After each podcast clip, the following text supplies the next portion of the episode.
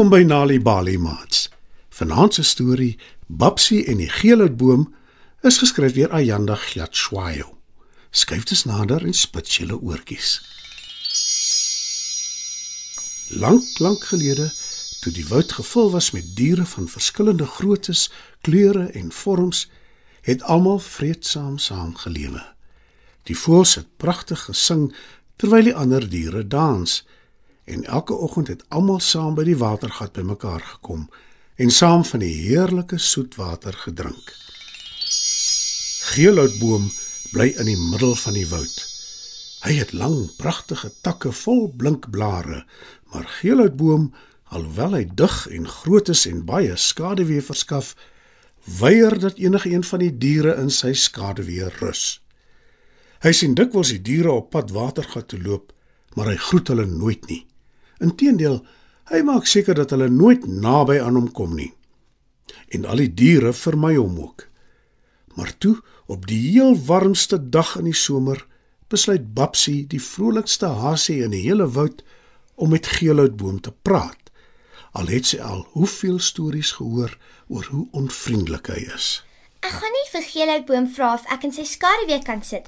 Ek is seker hy is nie regtig so kwaai nors as wat almal sê nie sê Babsie vir haar jonger sussie en sy hop na Geelhoutboom toe. "Hallo daar Geelhoutboom, my naam is." Begin Babsie sê, maar Geelhoutboom knip haar kort. "Nou toe nou, wat het ons hier? 'n Bonneltjie vreugde en energie met jou lang haasore en jou wollerige stert. Wat wil jy hê?" sê Geelhoutboom nors. "Ag, dankie. Dis gaaf van jou om so te sê. Mag ek asseblief in jou skaduwee sit? Dis baie warm vandag." Antwoord Papsie beleefd.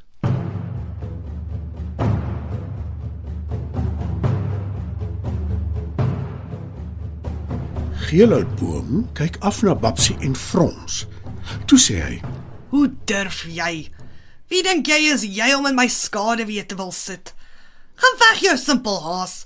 Jy moet nooit weer naby my kom nie. Hoor jy my?" Nou goed, Geelhoutboom, maar ek hoop tog ons kan eendag vriende wees. Antwoord Babsie en hop weg in die warm son.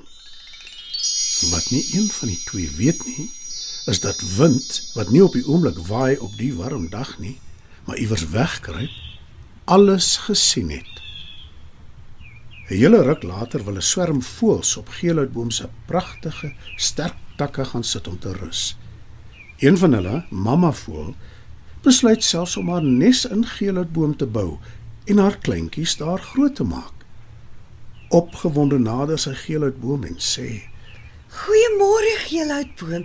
Is dit nie 'n pragtige oggend nie?"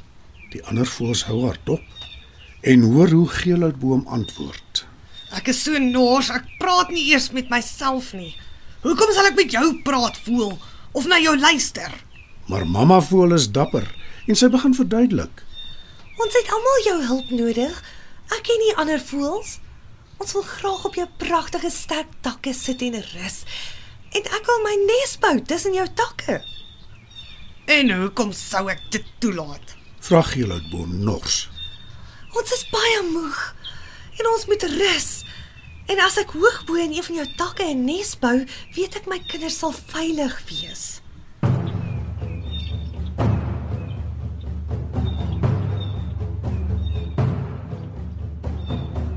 Nee, jou simpel voel. Ek laat niemand naby my toe nie. Brul die boom kwaai. Ja, natuurlik, geelhoutboom.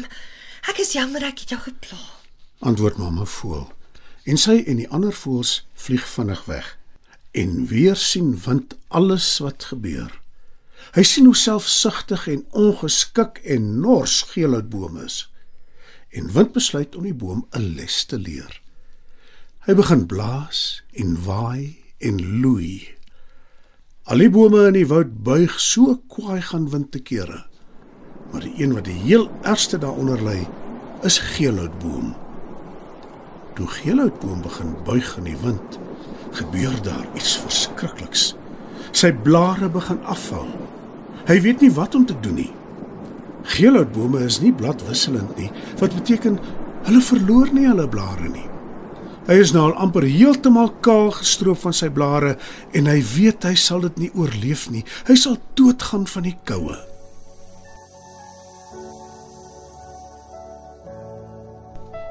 Toe wind uiteindelik ophou waai, besluit Babsie die hasie om uit haar huis te kom en te gaan kos soek. Toe sy verby geelhoutboom hop, sien sy hy is kaal gestroop van al sy blare en hy bewe van die koue. Sy voel baie jammer vir hom en begin dadelik vir hom 'n serp te brei van die lang gras wat op die rand van die woud groei. 'n Klompie vlakvarke loop verby haar en vra: "En wat maak jy, Babsie?" En Babsie antwoord: Ek brei vir geelheid bome serp.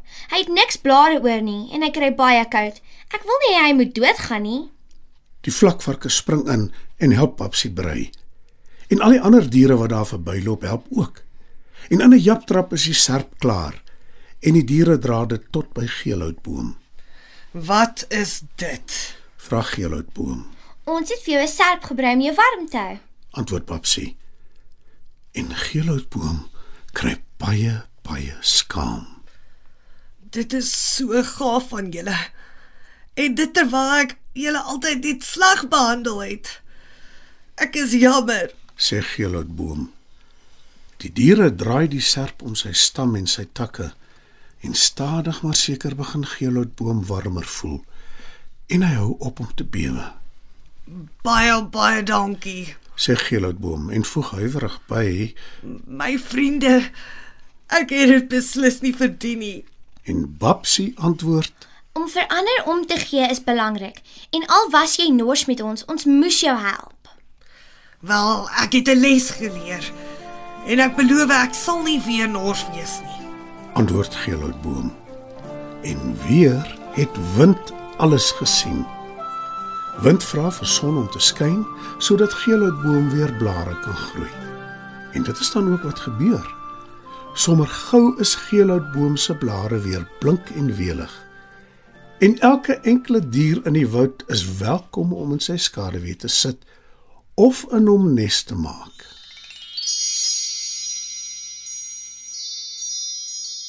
Maat, dit was nog 'n aanbieding van Nali Bali Storytyd. Die titel van vanaand se storie was Babsie en die geelhoutboom, geskryf deur Ayanda Glatshwayo.